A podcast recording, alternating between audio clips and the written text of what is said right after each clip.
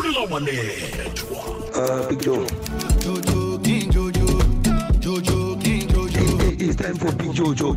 It's time for Big Jojo. King Jojo, Shama, Jojo, King Jojo, Jojo, King Jojo. Now it's time for Big Jojo. It's time for Big Jojo. Let's go and listen to Big Joe. Let's go and listen to Big Joe. Hey, Big Joe. Hey, that guy. Hey, that guy. hey. Jojo, Jojo,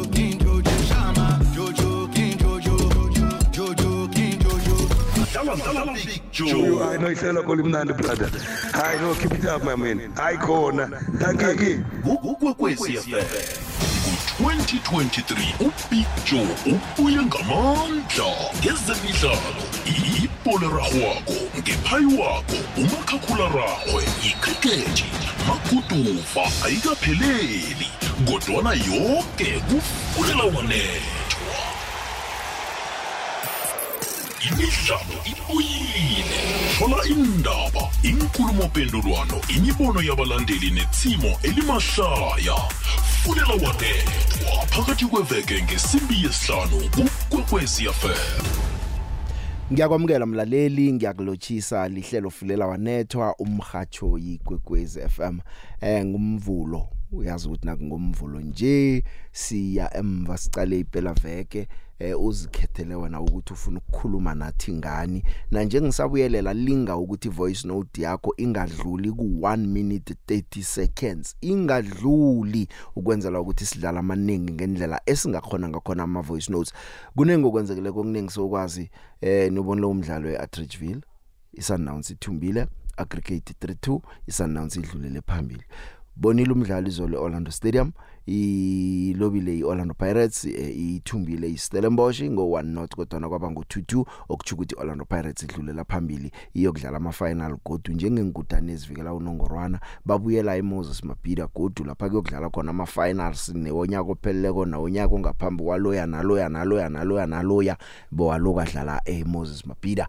Bachinga khona godu eh indaba ke khona ebholweni. Namhlanje bekunomdlalo lapha ePolokwane City namaZulu eh angazi ukuthi umdlalo ubonile na? Umdlalo bowuhatshwa la emhathweni eh uprofessor banothab Mabhena eh be bawuqalile umdlalo loyo bakulethela wona. Eh kunenye into engiyizwa ko la eh bengingakawuboni nokho bengithewukele eh angazi. Ke ngizwe ngawo kunomdlali wePulukwane City obambe ibhola ngaphakathi kwe18 eh ngemva kokuthi usomapala amphasele yona na. Angayiboni kodwa ke ngiyabona lapha ngiyayithola imlayezo wa Big Joy inike lokhu inike lokhu. Manje angingaboni ngithi nakukhona omnye obonile kwakhe asihlathululele ukuthi kukhambekeni lapho nangabe uyibonile into leyo ngizokubuya kiyo. Zehlakalo zange zepela veke indaba enkulu isemidlalweni wangomgcibelo. Indaba enkulu isendabeni yangomgcibelo uVictor Hlungwane eh, njengomuntu yaye simsebenzi asitshele ukuthi izinto zikhambe njani. Na namhlanje wenze njalo kodwa ke angazi ukuthi wena uzomzwa kanjani nakahlathulula indlela ahlathulula ngayo. Eh indaba enkulu ayikhuluma ukukhuluma ukuthi yabona iVAR ngiyeza kusiza. Maye nakathi VAR nje kungitshela ukuthi uthi ukuthi izinto zikhona kodwa nabo sofengwana abamhlamba bakaziboni thana bekune VAR beyiza bakhombisa abazibona sengimohlathulula ikulumo yakhe ngizakuzwa ngawo ukuthi wena uyibona njani. Na umthandi weFormula 1 Max Verstappen ukhamba yedwa udominate ekhulu ku Japanese Grand Prix eh sekuseduze nje kusele mhlawumbe iphaliswane lodwa ukuthi azithathele iFormula 1 abe yichampion lehlandla lesithathu ngokulandelana. Na ucala ke season le ama race abekhona seka yi16 wokena sekathumbe lapha ke 13 uVerstappen. Kanti ke ngokuthumba nje iphela vekele ukuthi ukuthi ke eh bathumbile ke lapha be Red Bull i constructors eh, championship. Bazingutani ke kuma constructors kwenzekile konke lokho. Bayatsho nje ukuthi imsebenzi wesichema sonke se Red Bull.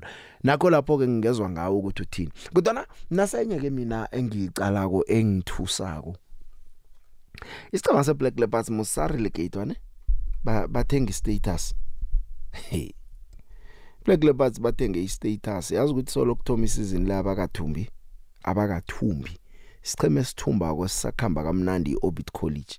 iLeopards ibethwe umdlalo wesithathu isizini le bethwe 2 not bethwe imagesi eh lapha ePeter Mokaba Stadium ngomgcibelo balobe imidlalo emithathu kemine abayidlaleko solo isizini le i- i- ithomile badlale ngokulingana munye bahlezi ku number 15 kungathiwani ni relegate nithenga status net naniceda usithenga ngefirst season leyo relegate godo nenzani? Niyathenga noma nivali isitolo nithi kubhalile? Asazi baniphuzo elilodwa kusesemsinya khona kodwa na iBlack Leopards ngendlela eh bekukhulunywa ngakhona ukuthi bathenga status bancamile babhince ngenye indlela awulikalindeli ukuthi ngalesi sikhathi bathole bahlezi labahlezi khona. iOrbit College yona kayikabe ukuhlulwa ke siboni libethi Uppington ngo3-2 eDobsonville Stadium ngomgcibelo sicema salapha eNorthwest eh sithome kuhle ngaphakathi kwayo i i Mutsipe Foundation Championship njengoba sifika nje lesi sichema kunengi okukhona ke Ireland yona ikhombisile ukuthi ayikahlali ku number 1 ngephoso. Umdlalo ube utight khulu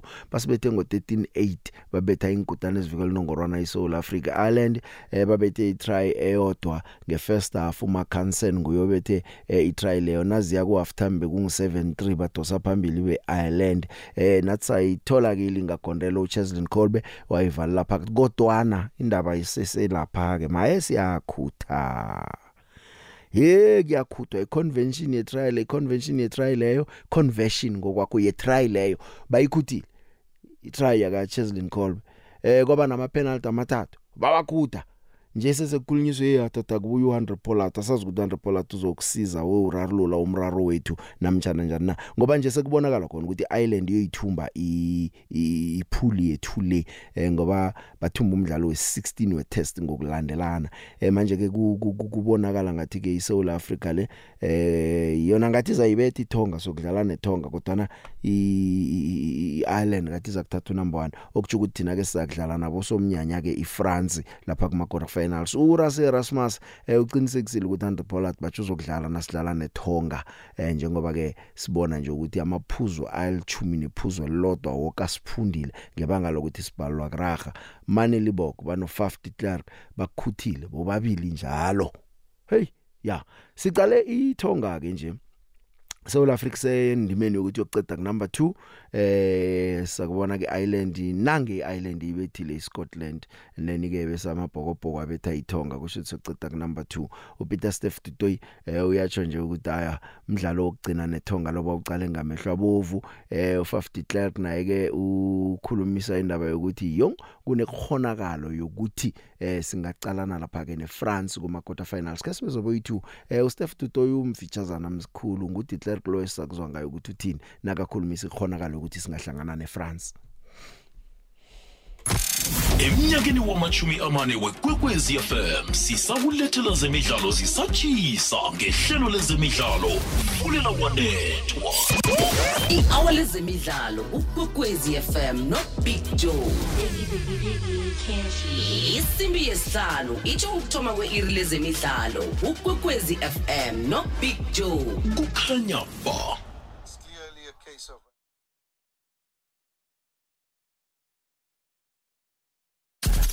dlala dlala big joe asidlali la. Ezemidlalo kufulela wanethwa. Big Joe ukugenesis standard on station 6 hayi ngisibonile squad why i-technical team ingafaka four scrum halves? Why bangadujuzanga just eh, bafaka three ba-adda kuma-hookers? Because ama-hookers only two. Ubonga imbonambi nomax. Just two hookers. Kuyashoda Big Joe. Nama-fly halves. There's no backup of ama-fly halves only two. Asibhalansanga le squad ngenye indlela damorit ngathi dlalela kuyodefenda lapha kuyohlala emuva and absorb i-pressure. Angitholi kahle. Eh, amhlele kodwa ukuthi bathatha ucaptain bahamba nayo siya eh, is needed. Angikho happy ngabo uhendrix uhendrix kakangadlala ahlale ehlala ebhenjini eh, nama-injury kodwa nangu khona esquadini angijabulanga ngesquad ngeke fulela wanethwa ya asirageka engathi si sinomraranyana ke no Faf de Klerk lo. Eh ya i- indaba engiyikhuluma ko le yakasomapala kwe Polokwane City sengithunyelwe ne video ukuthi kwenzekeni. Hey madoda ekuyi goal kick mos wayibeka phansi wayinikela i defender wayiragela kuyi defender naye wayibamba wayibeka phansi so fengwana ufutele nefengwana kodwa nekugcinela kangozange kube yipenalty angazi ukuthi ikhama njani. Zinwanyana ezinje asazi mhlawumbe ngelanga eh kuza kufika lapha sizwisisa khona bazasitshela into esizwako ukuthi vane kwenzekeni. Bengisesela kumakhakhula ragweke ngicale imidlalo yeBigre Pass. Isichema sokthoma esidlulele lapha kuma quarter finals iWales iWales idlulele kuma quarter finals bethe iAustralia. Australia kaba inaga eqinileko kumakhakhula ragwa ngazi mina ukuthi kwenzekeni. Eh abadlali abaraga ku Gareth Askombi eh ubethe lapha ke 23 points. Ya try sona ke uGareth Davis uNick Tompkins uJack Morgan eh bawabetha ama try badlulile laba ke beWales. Manje asazi ke Australia Eddie Jones vele uzela kubudisi khulu. Bachoka usazimisele ukuthi aragele phambili nokuraga nesicemba babetshwe ngo46 badulile iWales hle manje uyabona ke babethwe iWales babethwe iFiji. Ngathi bayokuphuma kokuthoma Tommy kuma group stages namtjana kuma pool stages.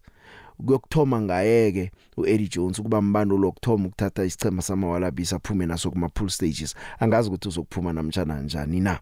Abakabukuphuma official kileli phaliswano kodwana kubudisi nje kubudisi nje sizakubona ukuthi kuyoba khambela kanjani Scotland sithole ibonus point 45-17 babethe iTonga uyabona ukuthi nabo ke sebayabuya ke baba sendimeni ukuthi khani phaliswano kiba likapheli Portugal ipheze yathumba penalty ngomzuzu wokugcina bayiloba badlala idraw yaka 1818 neGeorgia. Sabona lapha ke iEngland ibetha iChile ngo71 not. Imidlalo ke beyikhona ngempela vekele ukuhlanganiswa kwenqhema indaba ezitshisako abadlali umbango webhigiri isunduzwano lobujamo beligi fulela wanethwa kukwekwezi FM ya em ke ngithi nje isicema sebanyana banyana sibetshwe kabili sisibonile uMegan Rapina. Eh bekumdlalo wakhe wokugcina avaleliswa nabe ibetshwa ngo2 not South Africa una 38 years eh bayikwekwezana yalapha enaheni ekhabo ehlangothini lebhola ragwako nekujameleni amalungelo zininginyana indwazulweleko lapha into ezibakhambela kuhle namhlanje ngebanga lakhe. Unamagondelo amachuma standard unamagondelo amathathu imidlalo ayidlalela inaga ekhabo i203 203 udlela imidlalo iminyaka edlula kokelithumi neminyaka elikhomba adlala inaga yekhabo. Kanti uDisraeli siyena uthi noma ababetshwe kabili nje ngokulandelana kodwa uyazikhakhazisa ngesichema sakhe. Usho njalo friendly okthoma bayiloba ngo3 not nje babetshwe ngo2 not eh izolo ke ngosonto simbonile kafaka abadlali nokho ke abasisebancazana abadlali eh aphabanye ithuba bo Wendy Shongwe yabo sinoxolo cesane eh yabo Disetso Magubela ubathomsene umdlalo saqala qala kawa?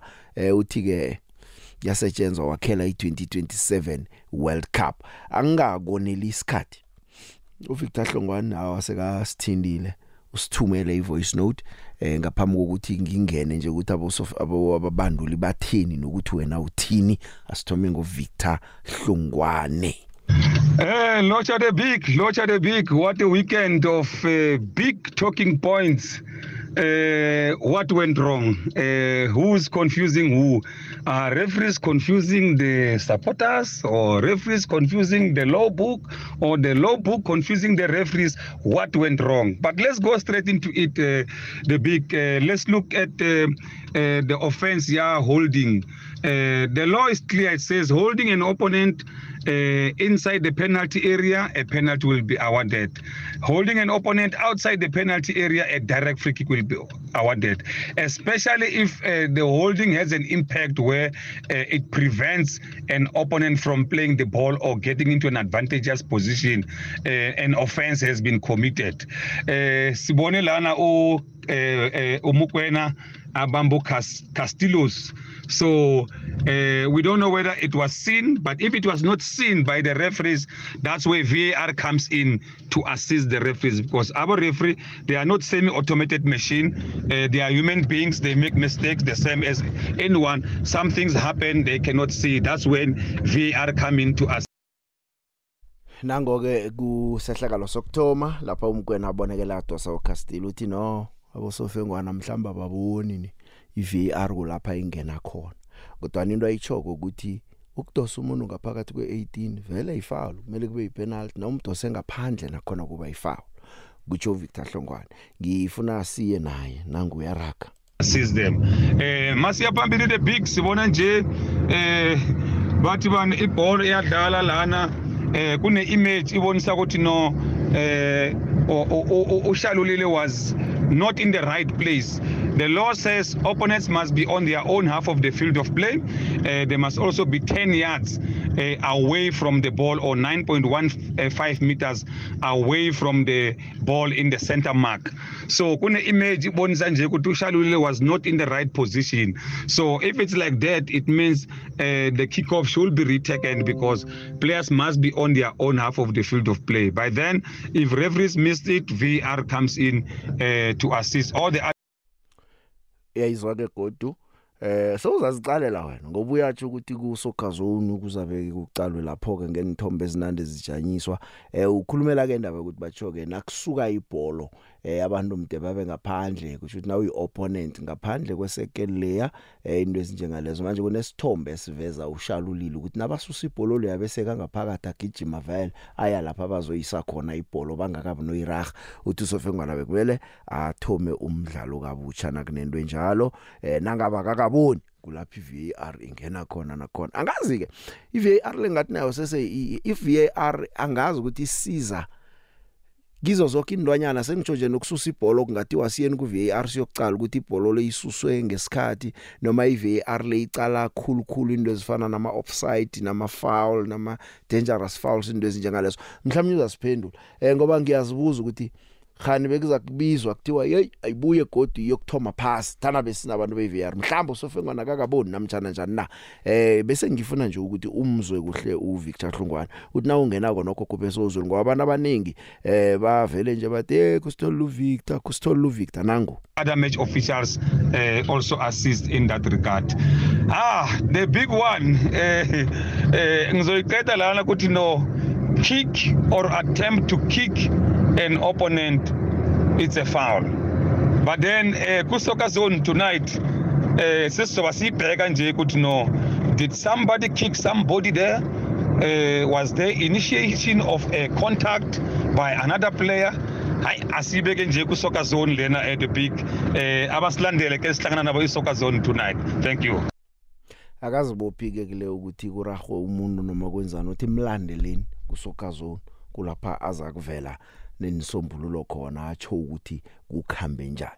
Ya ngiyazi ukuthi abantu bafuna ukukhuluma eh ngizokuya kubo kubabanduli ubezwe nabo ukuthi baphefumule bathini njengemva kwemidlalo le. Kodwa na ngaphambi kwalokho eh ke ngithome nje ngizwe ama voice notes ambalwa. Eh angitsho ukuthi akukhulunywe ngalokho okukhulunywa ngoVictor kuphela. Kunengi amabhokobhoko nawadlalile ibanyana banyana nayo idlalile neformula 1 ikhona nake lamangisi imidlalo ibe khona eh sizoyithinda nayo lapha nalapha.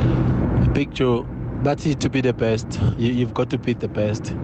So ukuthi sokudlala neFrance ngicabanga ukuthi kuzoba into ehle leyo.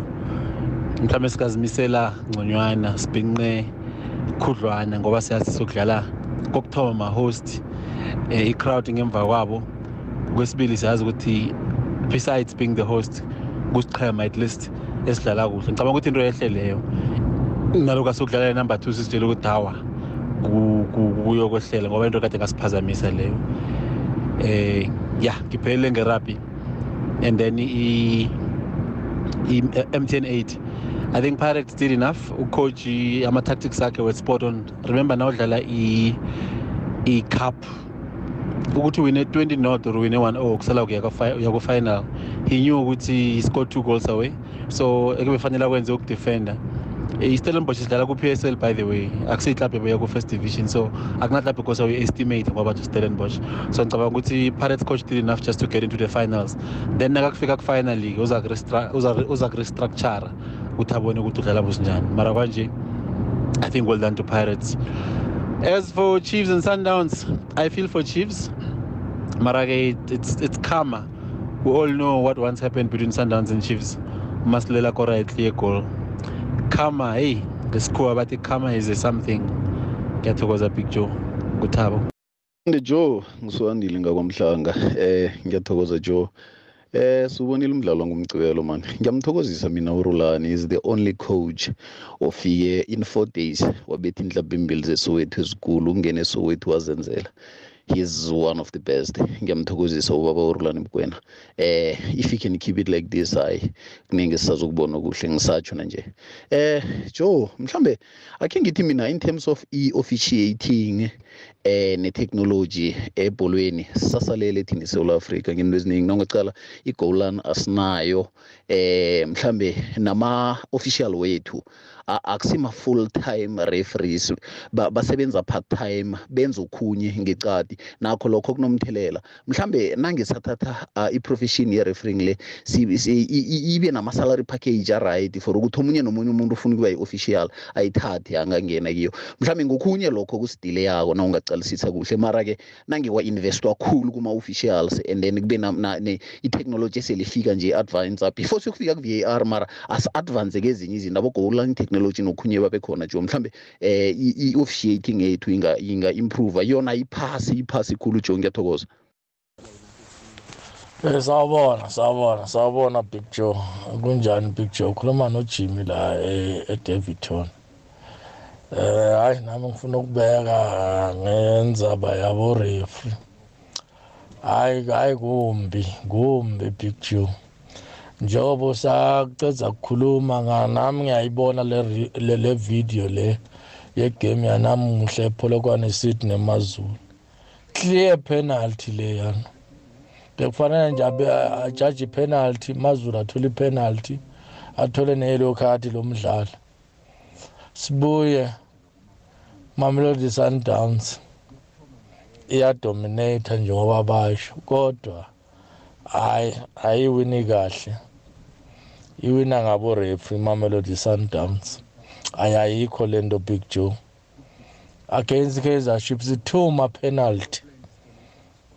Two ma penalty le yokugcina yona clear penalty. Kube ne contact tackles from behind clear penalty. Ayikanikwa akayinikezanga iKaizer Chiefs kunalenye ipenalty futhi. Kudonswe uCastillo ngesandla eboxini penalty naleyo negoli yeMamelodi Sundowns. uPeter Shalulile useboxini basusa ibhola ecenter box bekufanele ajaje nalapho. Hayi ngiyabonga Big Joe ngibongile Big Joe hayi akubiye yona iVAR iSundowns hayi ngathi kukhona lesekwendayo iSundown lokunye lokuseceleni. Lesingeke size sikubide ngeligama. Akusiku kuwina clean lokho ayiwine clean Mamelodi Sundowns. Big Joe Big Joe Mahlangu Madlelile usothokozani awa Big Joe sobonile umdlalo weOrlando Pirates neKaizer Chiefs. Awa Big Joe indaba yikho ePitori indaba ikibo referee Big Joe ke kuqiniswe isandla kubo referee bethu. Nabazochuba imidlalo ngalendlela benza ngayo. Ibhola lethu Big Joe balwisa balisa phasi. Ene Big Joe engithanda ukusho eh ke ngikhulume ngamabhokobhoko ngike ngatsho ngathi nabaluzela ama penalty lawa a- am- amabili lawa bangaberegisi. Akunateam ubig joe nawungathi uyacala ku-world cup lapha e- e- e- edlala ngamathuba so bayawasebenzisa amathuba benza shosho ukuthi bayakora big joe esisokukutsho nje big joe akulungisa indaba bo-refree big joe ngoba big joe nangikhumbulako last benithi fifa mayithi you title a, a player behind. It's a foul. Dabek ngiyalothisa lapho emhathweni nabo bonke osebenza nabo ndoda.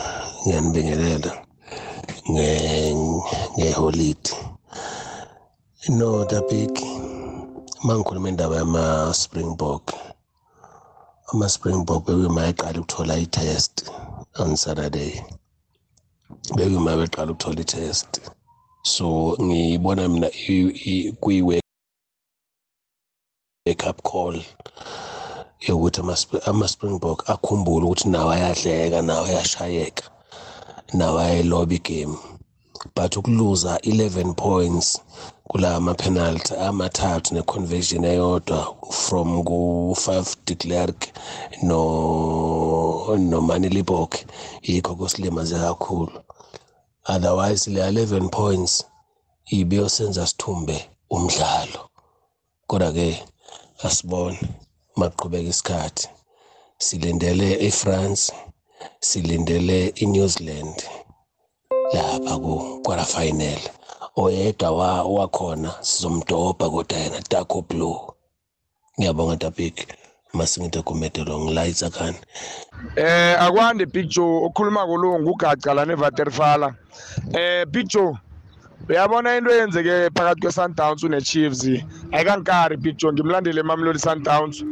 And Big Joe aborevi bangasihelebhi thina si-strong. Bangasihelebhi aborevi siyakhona ukuwina. Chiefs beyidlala kuhle khulu big joe igame le. Bengithoma ukubona i-chiefs edlala kuhle kangaka.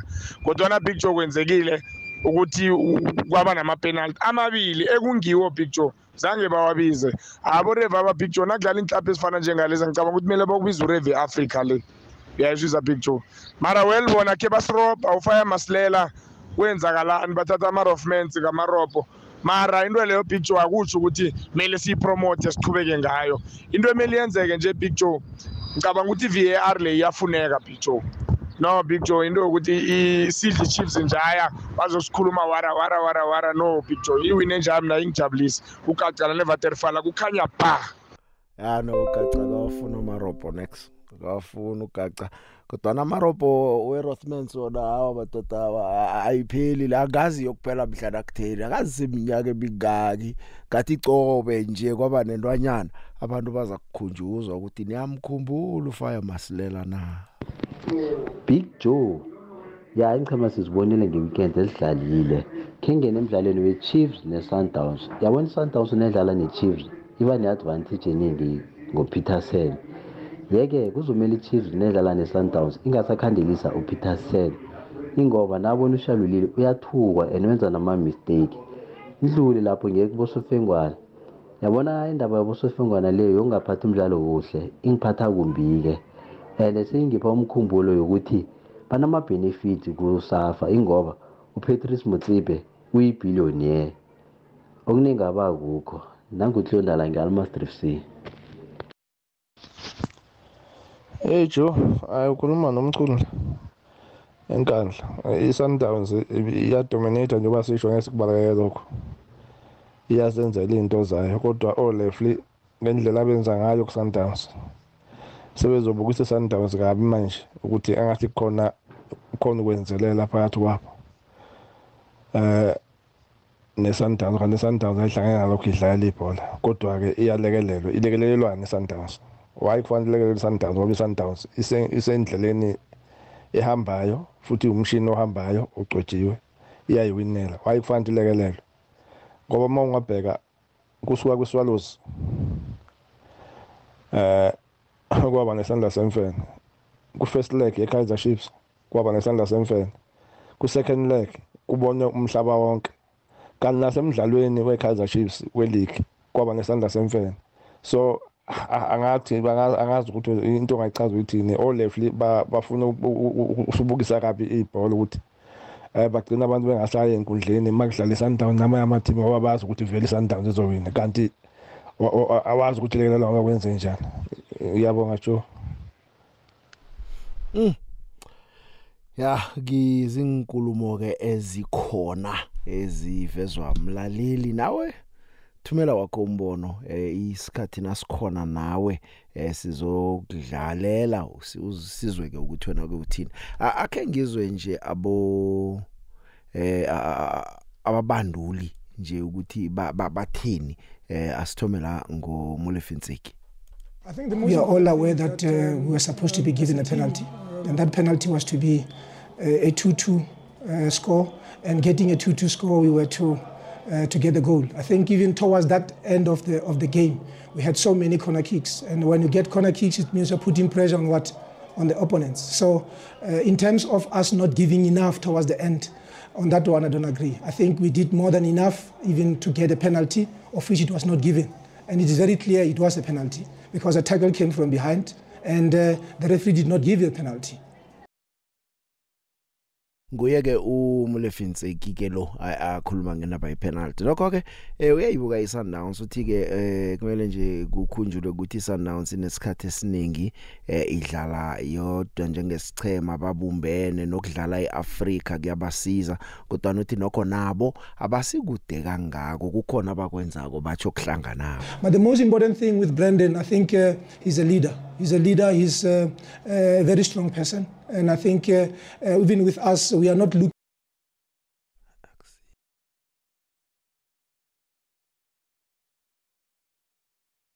But the most important thing with Brandon, I think uh, he's a leader. He's a leader. He's uh, a very strong person, and I think uh, uh, even with us, we are not looking at it to say it was your mistake. We are saying uh, it was a mistake that happened. We did not uh, uh, respect and observe the critical phases of the game because we were to start on the front foot. If that ball was to be played forward, it was to be starting the game the on the front foot. But it did not happen, and in that situation, we ended up conceding. So it doesn't mean that uh, uh, we have got uh, so many fingers pointed at each other.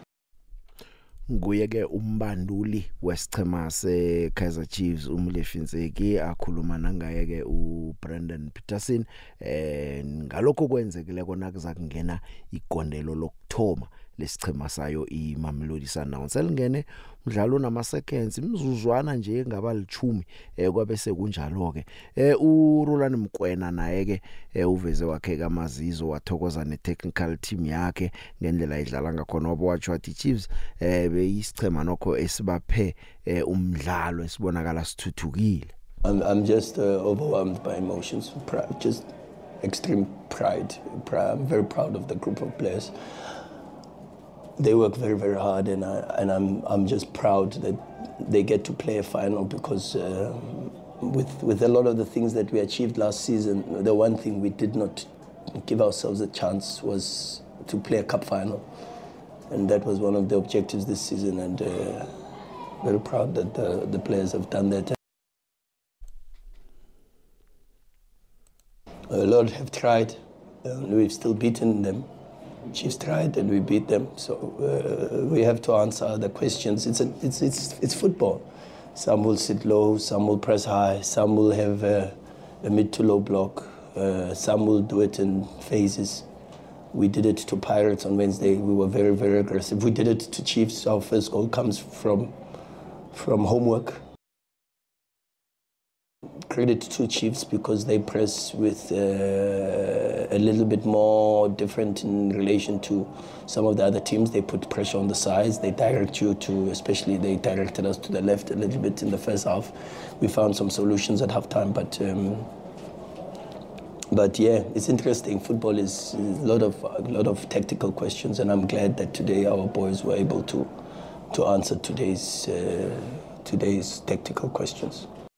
Ya babanduli nje ka featuresani Orlando Pirates ke eh, inethuba lokuthi ingamvikela unongorwana nabo eh babetsho ngo 1 not kodwa na aggregate 2-2 nabadlala neStellenbosch. Ikonde labethwa nguDian Hotemlenze nokthomela ke ngilo elicakatheke khulu elenze umehluko. Eh umbandolo Ribeiro eh uthi abathabe khulu ukuthi baya ku final ukuthi balobe kwesithathu ngokulandelana abayisindo engabacedela ithabo. Lelo eh bayokudlala eMoses Mapira neSundowns nge7 zika October eh na ujeja kokodwa kodwa akusikho ukuloba imidlalo emithathu kuphela. Eh na ucala nokuthi kiyo imidlalo emithathu laba kabethine ekondelo nelodwa. In all competitions emidlalo nemithathu lengikhuluma ngeChampions League ngikhuluma eh ngemidlalo le ye league abayidlalileko eh nalo abawudlaleni Sundowns nalo abawudlaleni isichema semi se Stellenbosch. Eh uRiveiro ke kodwa uthi isichema sakhe siyalinga noma kunjalo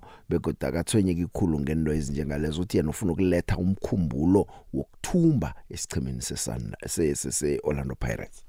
Unfortunately, it's a, it's a third game in a row that we couldn't put the ball in the net, and that is affecting also our perception of the day. And uh, we have to all understand and, and make sure we understand that it's the third time that this group is playing a semi-final. Third time they have an opportunity to to improve the history of the club playing one more final. They are always on time, and they make it again. And Orlando Pirates is in the final.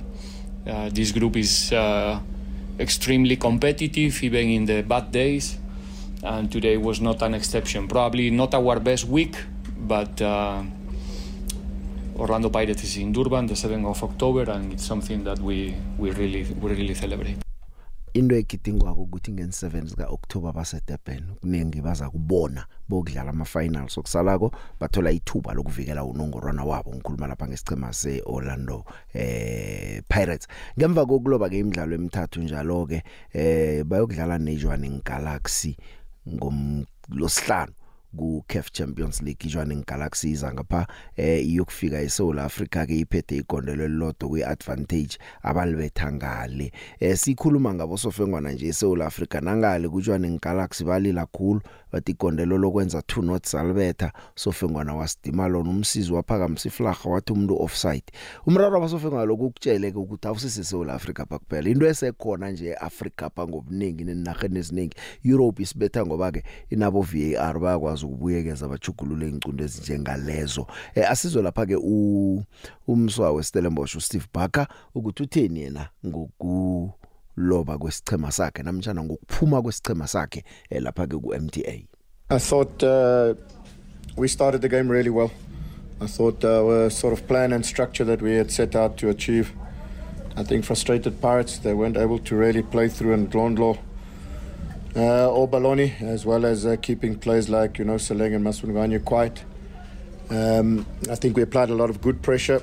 And then on transition, uh, and sometimes b- ball, early ball over the top caused them problems. So um, I thought the first half was really solid. ya nguye ke umbanduli waso isichema seStellenbosch ngilezo ke ze MTN 80 khe ngakutshela ngeBlack Leopards kodwa ke na nje iza ngikutshele ngeOrbit College. Ngibo bodwa abane 100% record lapha kuMtsipe Foundation. Eh iphela vekele beyimatasata sakhulu. Bathumbe imidlalo emine emidlalweni emine abayidlalile kosolo isizini ithomile. Omuhle umdlalo bawuthumbe ngo3-2 babetha eUppington City lapha eDobsonville Stadium. Eh uWillie Nel noCarl Lager babetha amagondelo eUppington weOrbit umbulelo wagaba eh uKadimo Leleki noSiyabulela Mpele ngibaba betha amagondelo ke nje. Badosa phambili ngamaphuzu amabili ebujameni bokthoma lapha elokweni. Balandelwa imagesi imagesi ecede ukubetha lapha ke Black Leopards ngo2 not eh ubafedile baloyi nomncedi Vandala ngibaba bethe lapha kamagondelo. Maritzburg United ikhithiza amaphuzu kuyisebujameni besithathu. Ibambe ibanjwe lapha ke ibaroka ngo not not kwathonywa ngolosihlanu sabona i-not not draw phakathi kwePretoria Kellys neJTR Stars. Eh iMarumo Gallants bethe iMilford ngo 1 not eh uCyril Ngwesan nguyobethe igondelo Milford ke ayinaphuzu nelilodwa isizini lihlezi lapha emsileni. Venda FC yona kizibethele lapha ke Platinum City Rovers ngo 1 not eh uAthini Jotwana nguyobethe igondelo. iKaizer Stars eh ithumbe umdlalo wesibili ke isizini lebabethe iHungry Lions ngo 2 not eh uPesley Phyllis no Ufense Hlolwe ngibabetha amagondelo ke University of Pretoria eh neLamasia nazo zidlale idraw yaka North North ngezinye ke zendaba ezikhona nemidlalo ekhona ke ngithi ngibuyele kuwe emlaleli ngaphambi kokuthi ngichinge lapha ngaphetsheya Eh ere ke tšea sebaka se ke go dumediše Victor ke Farrington wa Lesandawana ka mo Springs ka mo. Uyayibona bruru into eyenzekileko phakathi kwesichema seMamelodi Sundowns neKaizer Chiefs. It's been happening like over the years. I mean teams have been benefiting over the years. Uh, i think i-var iyafuneka bro kumele ba-introduce i think izosihelebha kancane nje. Izoyenza izinto ukuthi zibe ngcono. Though nayo sometimes iba inokuba controversial but i think ma ingaba khona things gonna be better. Because abanye abantu banokora nje nge-offside. Uyibone nje straight le kuthi offside le. Because the referee's decision is final there's nothing we can do about it yabona? So hence i'm saying big joe ngithi i-var yona bro to be honest ayi iyafuneka man iyafuneka. Lezi abufire masilela and all those things those ones we are just bantering as supporters but sometimes we need to face reality bro. If it's not like that ibhola lethu ayi angeke elikhulu angeke lithuthuke bro. Ngiyathokoza the big. Hayi ke ubona uapere jesi ya casric stars mo hey ya go swanela big. Is very nice my brother. Ngiyathokoza Farrington Big Joe bongana kampensela list eh Big Joe Zoqala kule Kaizer Chiefs neMamelodi Sundowns goalkeeper wami uyangidlisa Big Joe. Uyangidlisa bese ngiye emashini yonke. Ah, ayimameli sundowns into eyenzayo. Ayikho right. Akekho umuntu ongayiboni. Bese kokugqina ngiye lapha ku-pochettino hayi ziyambhedela. Udliwe futhi. Hayi mhlawumbe uzawuhlanganisa big joe mhlawumbe kuzamlungela. Alright big joe.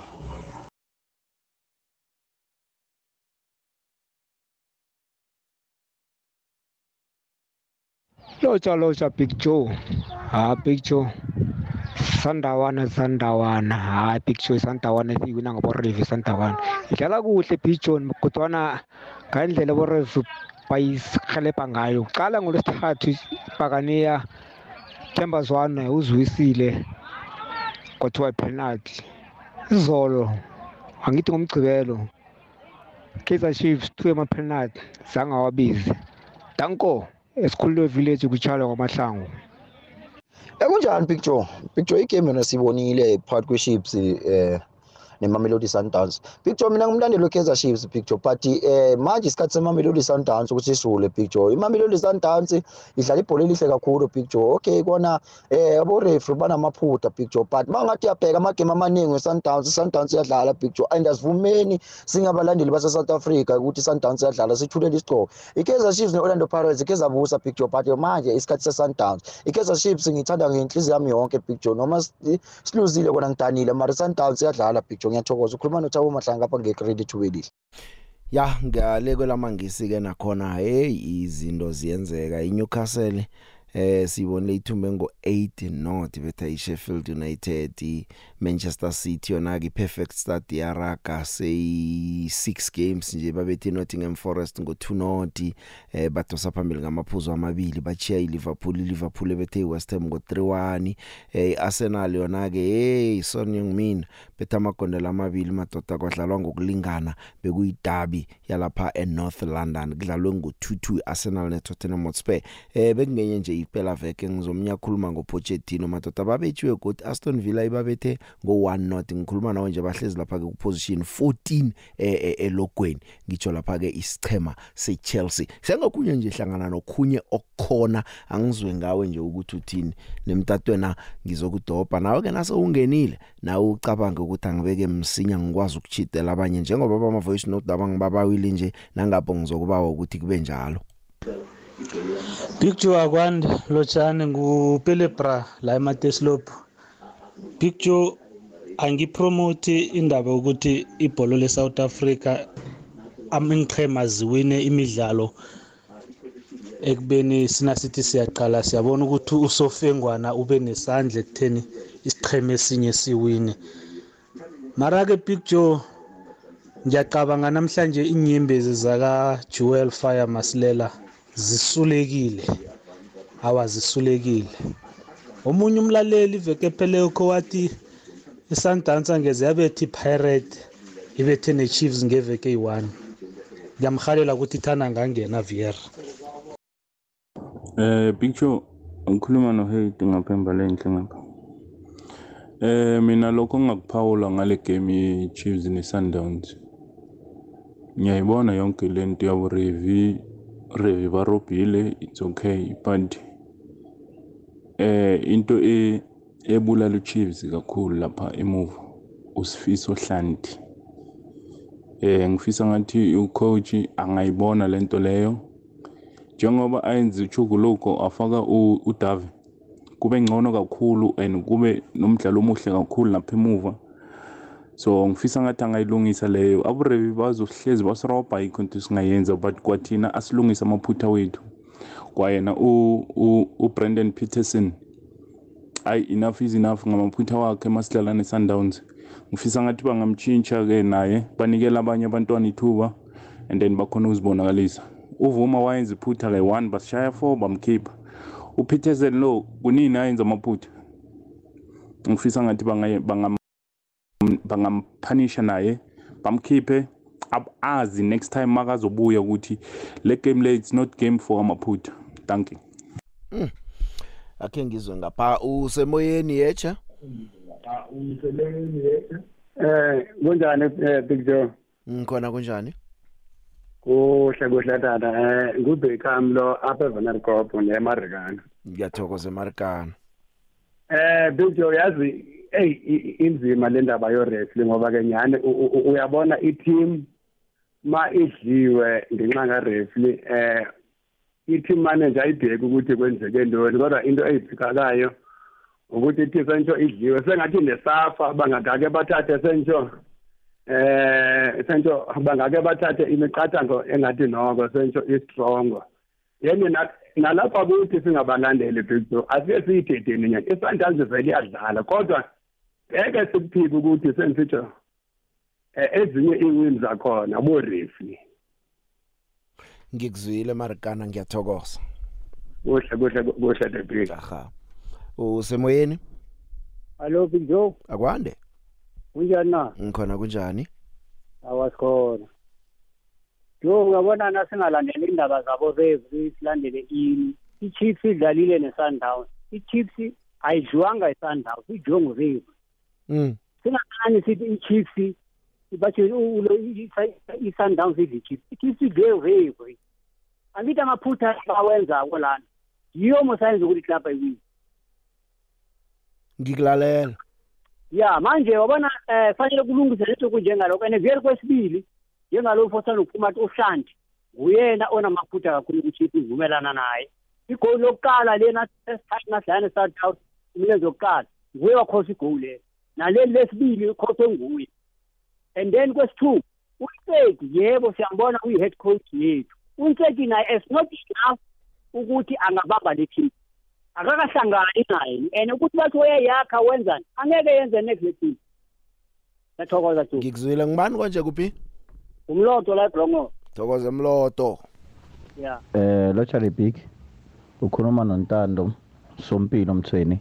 Ngingapha ngelezini ngokuhlala ngihlala kwamhlanga.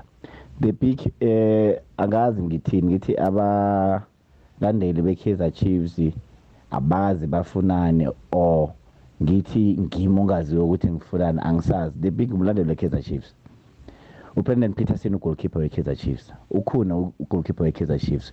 Woke umuntu awenza amaphutha the big. Yakuzwisisa ukhune udlalile phakathi kweveke sidliwe i-super sport the big. Babe nembuzo ukuthi bamfakeleni. Ngiyamthanda itomeleni khune babe nombuzo ukuthi bamfakeleni ukhune bathi upeterson unama-familiar responsibilities. Uzile upeterson bamfaka wenza iphoso. Bayalila.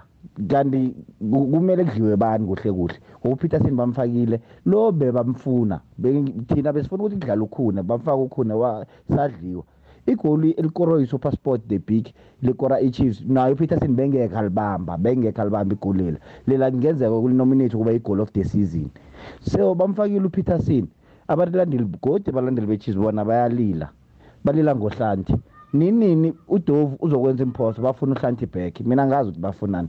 The big iChiefs ishoda ngeplaymaker kuphela. Asileseni ukukhombana ngemina sibalandeli beChiefs. Ishoda ngeplaymaker kuphela kuChiefs. Sizokukora sizokuwina sithokoze asithemba ukuthi nezwa ke balandeli beChiefs kukhuluma umunye umlandeli weChiefs. Usemoyeni yeche awanele big. Yeche uHadass njalo master Ah wakhatasi ngidlalile akusiwonke ugaca konje ngimdlaleka kusengikhatasi phezeni yafana Oh ino amaphimbo lana. Yeah, hayi nokucaca eh ungasathumeli voice note ngakafoni uthini khatasi No the big man ngiworried nge performance ye Pirates I mean three games singathumbi singakori siyakora well fanele sithokoze ukuthi sodlala i-final kulandelana but i-performance le iyangiwarisa mina but ngithi mina picture wakhulume into elide ibaluleke kakhulu wathi na ubhenefitako kuba mnandi and then bese naye bangakuyi babuhlungu. And i think even the opposite as well yokuthi eh nangabe kunabantu ongabathandiko nakungibo ukuthi hayi amukelana amukelana Mm. tshela ukuthi thina we must accept the defeat nje sekungibo babhalela kwamukela i-defeat sekuthola sesitshela ngabo referee no aba-accept i-defeat nabo eh Sebe khatasi ukuthi zakulunga. ngiyakuzwa kodwana Mm. asivume Mm. asizo akuzokuba kuhle ukuthi ibhola eSouth Africa irage ngalindlela batsho sesidawa yamukelani ya nakungeni nani kulungile nakungithi Iqiniso. kodwa hawa nathi asamukela akufike Iqiniso. lapha imphathi mandla zilungisa umraro lomumbi unesithunzi esimbi ebholweni ekhaya. Asazi ukuthi yini ezokwenza kusasa. Njengisakhuluma nje nje nje amazulu aroji penalty goalkeeper ususe eh, i-goal kick waphasi i-defend i-defender la ibamba ngesandla ngaphakathi kwe-18 iceda ko waref revi kwakho seyibuyelwe iyokuthonywa phasi godu. Awusazi ukuthi kwenzekani ngoba uyisusile. Uyibeke phasi waphasi defend defender wayibhudungela ngesandla uref zanga ref penalty ya nona senjalo sesifike elinye izinga lokuthi ah, angisazi nami. Angiyabona ngifika angisendlela bengibuye ebhosa beach ngiyathokoza. Ngithokozile eh Gadas thank you. Big Joe Lotshani. Yeah man Big Joe umdlalo siwubonile. Sobona umdlalo okudlaliwe Big Joe. Umdlalo ne-Chiefs ne-Sundowns. Big Joe. Hawa madoda abo-referee bethu bayahluleka man. Bayahluleka. Angazi i-VAR izokufika izokufika nini. Kodwa nje into engizoyisho mina umdlalo bomnandi Sundowns besiyiphethe Sundowns besiyigadangile Big Joe leya bokuyifawuli bokuyipenalty clear penalty. Hayi ukuthi batsho bekazimisele ukuraha loya player or bekazimisele bekathi uraha ibhola iplayer lafika qangi ebholweni noma bekakatouch mara ufike qangi iplayer phambi kwakhe akasifali wamraha so le contact ifoul efanele basinike ipenalty picture but angisatsho next. Akusenandaba mara yona isundowns besiyibambile. Ya no ungasatsho next eh kuthomeni kwakungu abongile Tom njengoluxolo bhadi Tom kwathiwa uyokujanyiswa sazi nobhadi kusho kugcina kungasana ref uzokuphatha imidlalo. Bonke bokujanyiswa eh manje kuyimraro nayinjalo. Are? The big mzweli umlaleli. Mm. Mm. Mzweni awubhodlile. Sithokozile mlaleli. Cedelela kamnandi langa lakho lokuphumula. Kusasa isukile lamakhuwa kusasa